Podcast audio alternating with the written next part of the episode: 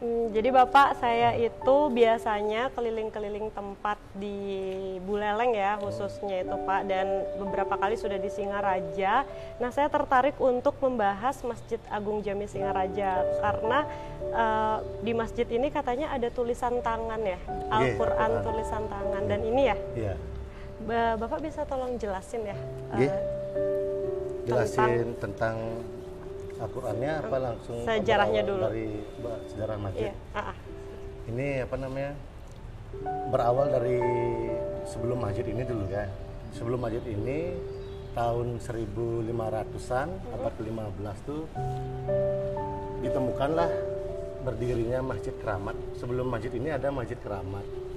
Masjid Keramat tuh yang ditemukan oleh saudagar-saudagar Bugis sama Arab itu ternyata sudah ada bedek yang merupai langgar.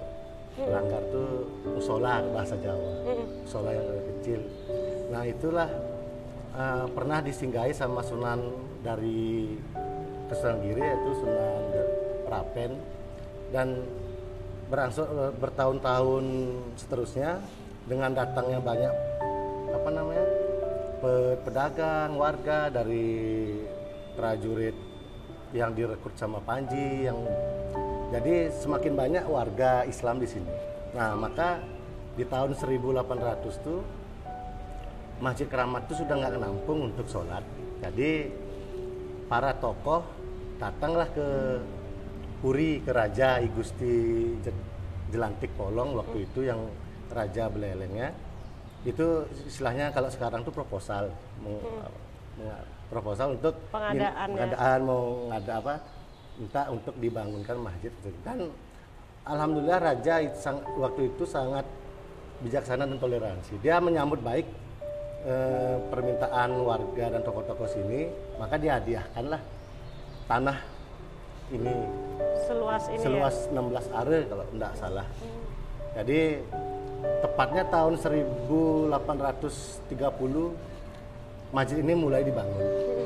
Sa nah, karena mas karena Raja, Raja Gusti Atlantik Polong itu Hindu, maka di, yang dipercayakan untuk pengawasan masjid ini kerabatnya yang masuk Islam yang buat Al-Quran ini salah satunya. Oh jadi keturunan raja juga tapi yang memang menganut agama Islam. Ya, itu kalau dia ceritanya beragama Islam itu dulu karena waktu itu beliaunya ada ada perang saudara gitu Karangasem tuh kan cerai berai tuh kerajaan Buleleng ini salah satunya beliau larinya ke sini ke belakang tuh masih keramat tuh. Dan dia tuh diangkat sebagai anak dan murid sama Imam Muhammad Yusuf Saleh namanya. Muhammad Yusuf tuh uh, imam pertama di Singaraja. Nah itulah dia yang ngajari apa namanya agama. Terus syaratnya untuk lulus dari belajar agama dengan beliau tuh yaitu harus bisa menulis Al-Quran sampai hatam dan oh. inilah dia gitu. Ini berarti yang nulis namanya? I Gusti Ketut Lantik Selagi. Ini sekitar tahun berapa Pak dibikinnya? Dibikinnya ininya apa Al dibikin? Al-Qurannya Al perkiraan tuh udah 1820 oh. Saya boleh lihat gak? boleh. Kita bahas tentang Al-Quran dulu ya. Karena ini satu-satunya yang Okay. Kita berawal dari gini ya, mm -mm. dari depannya nih. Ya. Ini dari kulit, katanya kulit dari Belanda dibawa. Eh maksudnya bukan dari Belanda, kulit kerbau, lembu. Oh. Kalau kertasnya baru dari Belanda. Nah, ini corak-coraknya ya, corak mentimun nih, corak mentimun. Ada bunganya, ada gini. Ini akulturasi dari Bali dengan Bugis, oh. dengan baju. Dulu kan kenapa bunga? Karena dulu waktu apa namanya biasanya orang-orang orang-orang di Indonesia dulu kan gambarnya manusia atau hewan. Jadi datangnya Islam ke Indonesia dirubah sama Wali Songo tuh kebiasaannya diganti dengan tanaman. Karena tidak boleh melukis apa namanya bunga di kitab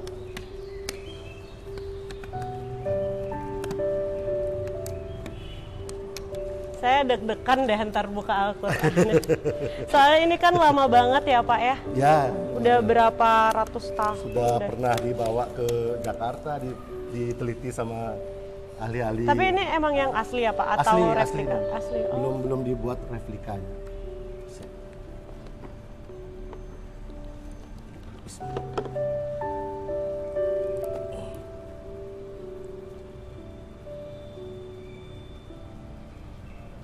Ini berarti bacanya dari sebelah kanan ke kiri ya? Iya, kanan kiri. Nah ini,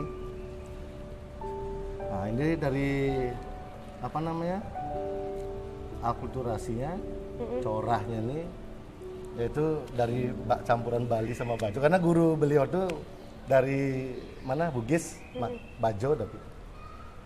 Dan dia kan aslinya Bali, jadi kebiasaan nulis kayak aksara-aksara gitu. Oh, iya. Corak apa ini namanya Pak? kalau dibilang corah makanya kurang apa namanya dibilang corah apa lupa saya cuma campuran antara Bali dan Bali dan Bugis. Bugis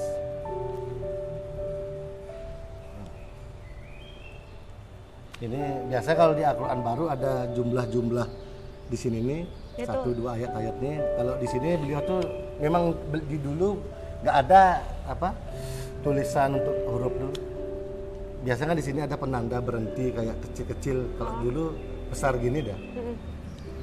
Oh gitu. banyak. Ini ada berapa halaman kira-kira Pak? Tebal nah banget. itu dah. Berapa halaman pak? Ini. Soalnya ini ada hurufnya dia. Belum ada hurufnya dia. Dia cuma seperti ini menampakkan apa tradisional gini. Kalau dari tulisan kalau peneliti dari Jakarta tuh bilang tim bahwa mungkin paling rapinya tulisan tangan di Indonesia Ini, Iya. wow, keren banget. Dan kertasnya juga nggak dirayapin loh. Biasanya iya. kan udah hilang ya dimakan ya rayap. karena kami di sini sangat menjaga ya. pernah sempat diminta untuk ditaruh di museum tapi kita nggak pernah ngasih Jadi memang di sini ya. Iya, sempat ditawar berapa miliar sama ada katanya dulu tua-tua yang dulu tapi tetap nggak dikasih. Berarti kalau misalnya ada acara di sini kayak pengajian gitu, eh, Al-Qur'an yang dibaca yang ini. Enggak, ini Oh, bawa sendiri-sendiri. sendiri. Ini Oh. banyak kan Al-Quran di pustaka. Saya pikir yang pemimpinnya nanti akan Enggak. baca yang ini gitu. Wah, keren. Sampai di halaman terakhir ya. Iya. Habis. Habis dah. Ya. Tutup ya. Iya, silakan Pak. Wow. Terus mengenai jamaah Pak, namanya jamaah ya atau jemaat? Di sini eh, jamaah Masjid Jami.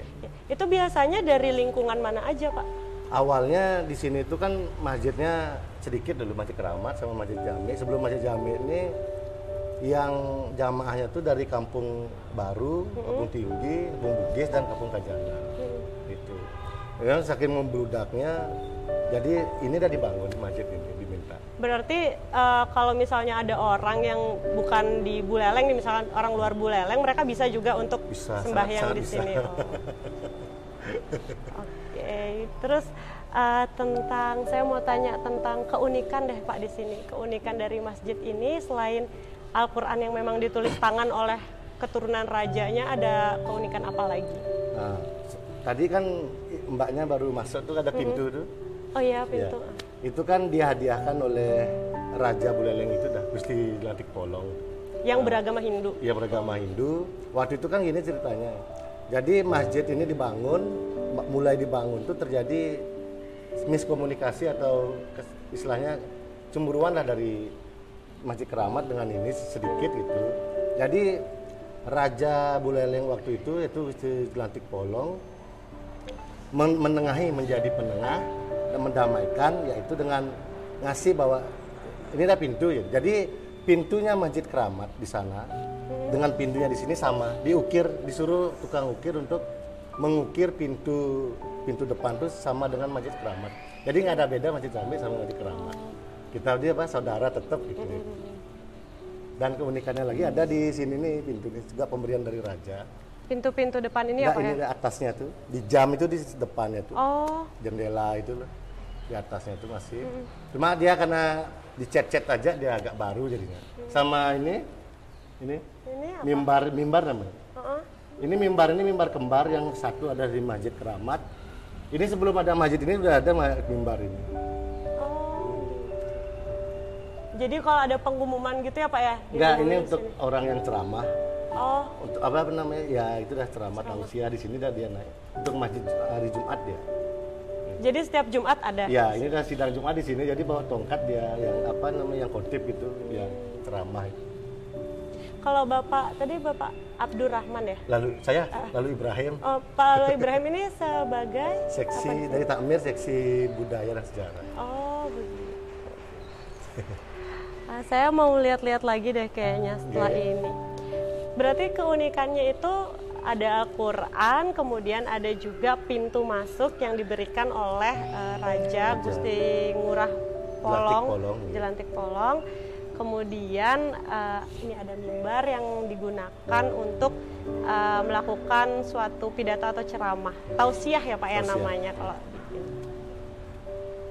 Jadi tak tambahin lagi pembangunan masjid ini lama ini 30 tahunan kalau nggak salah.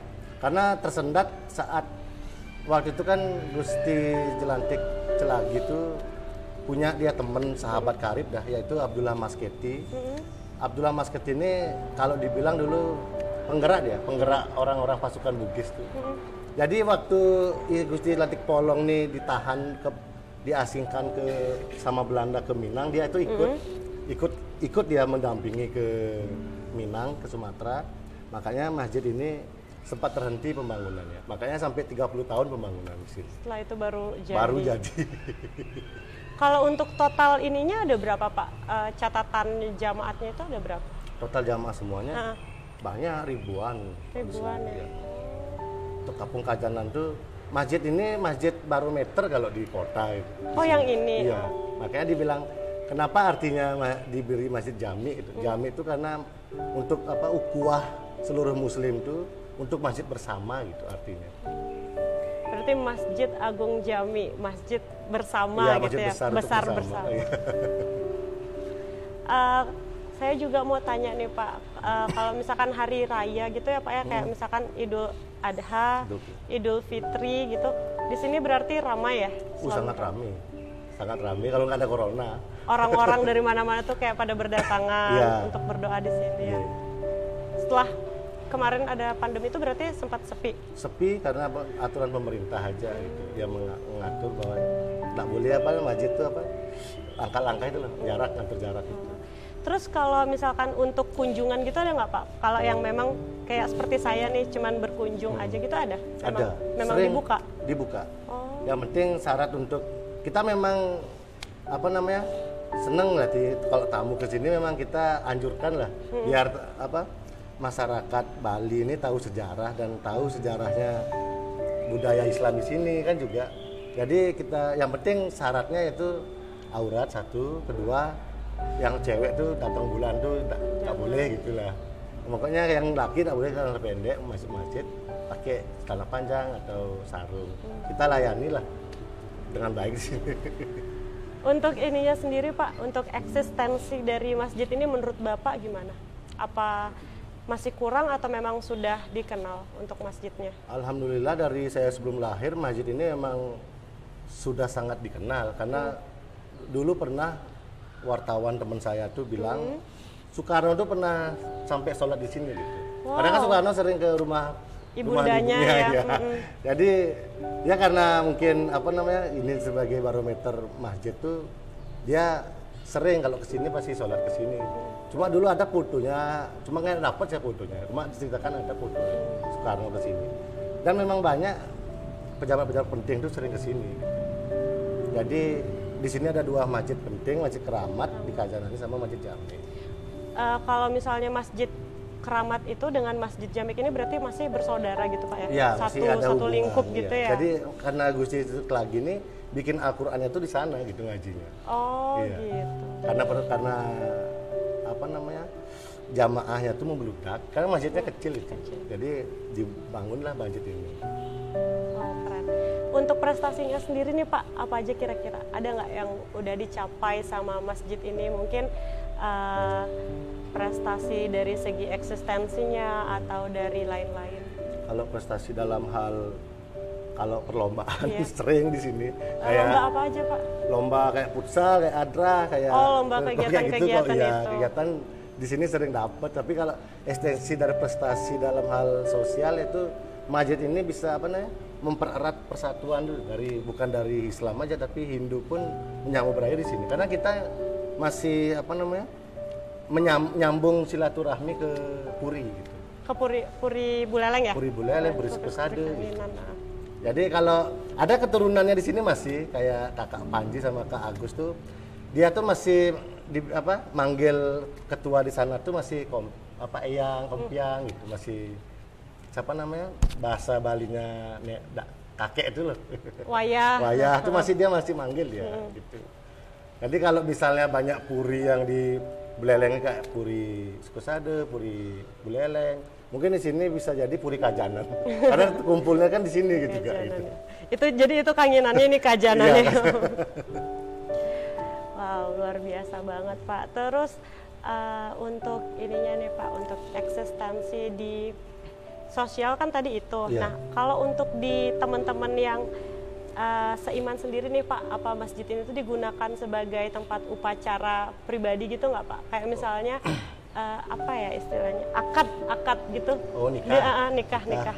Di sini juga. Di sini juga malah Masjid Jami ini sekarang yaitu menyediakan nikah gratis kalau ada yang mau nikah di sini. Jadi kita yang, jadi itu yang ada programnya nikah. seperti itu akad nikah dibiayai tempat kita sediakan itu di, di istilahnya ada uang bulan madu ya 500 ribu entah satu juta dan ratus ribu itu ada seksi yang lain gitu. Jadi bisa menggunakan masjid ini untuk uh, akad nikahnya ya, akad ya nikah Pak? Nikah ya? bisa, acara sunatan bisa, semua pun bisa di sini. Malah saya kan juga sebagai ketua ansor sering ada ya acara kegiatan pemuda ansor hmm. di sini juga. Hmm Pak, saya eh, pengen tanya deh. Dari tadi tuh saya kan baru masuk sampai sini tuh saya selalu ngelihat eh, dominan hijau ya warnanya. Hmm. Hijau. Apakah ada ini ya eh, suatu cerita atau sejarah yang mengharuskan untuk menggunakan warna hijau atau bagaimana? Kalau hijau tuh eh, Islam tuh mengenal warna tuh sih bebas. Cuma hijau tuh warna yang paling disukai oleh Rasulullah Nabi oh, Muhammad. seperti itu. Karena hijau tuh melambangkan warna surga gitu. Hmm, warna surga hijau. Nggih. Terus kalau ukiran-ukiran yang di atas-atas nih Pak yang saya lihat itu ukiran apa? Oh ini ukuran kaligrafi seninya seni yang nulis saja gitu. Oh, Cuma kalau yang di pintu sama gitu memang seninya akulturasi Bali sama Bugis dan Arab tuh aja. wah keren banget ya Pak. Itu pertama kali saya masuk ini loh masjid ya Emang dari mana Mbak? Dari Bali juga? dari Bali juga Oh, oke. dan eh, saya punya teman terus eh, langsung didandanin gini. Iya nggak apa-apa. Terus terakhir nih Pak untuk eksistensi em, di masjid ini nih Bapak Hmm. punya harapan nggak untuk eksistensi eh, Masjid Agung Jami Singaraja ini? Jadi harapan saya untuk eksistensi ini yaitu apa namanya?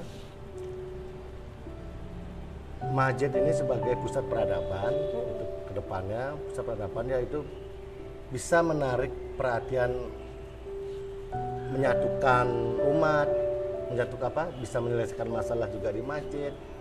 Terus kedua yaitu Masjid Jami ini itu bisa menarik pemuda-pemuda contohnya di Singaraja khususnya umum di Bali walaupun agamanya apa pun monggo mari kita pelajari sejarah. Jadi bahwa di Bali ini bukan hanya satu etnis atau dua etnis tapi banyak bermacam macam ras dan suku di Singaraja berawal dari Masjid Keramat dan Masjid Jami. Dari zamannya Panji itu kita sudah ikut berjuang membangun Buleleng dari pasukan Bugisnya yang ada apa namanya dari pasukan lautnya lah. Bugis, Madura, Trunojoyo ada juga. Jadi ayolah kita ini bersaudara gitu ayo bersatu di dengan masjid ini sebagai barometernya Gitu. Baik, itu dia tadi em, obrolan saya dan juga Pak Lalu ya tentang eh, Masjid Agung Jami Singaraja. Nah, untuk teman-teman eh, siapa pun dan di mana pun jika ingin berkunjung, ternyata pintu masjidnya terbuka lebar untuk kalian yang mau berkunjung ke sini. Jadi, em, buat sobat traveler, ditunggu kedatangannya ke Masjid Agung Jami Singaraja. Terima kasih, Bapak.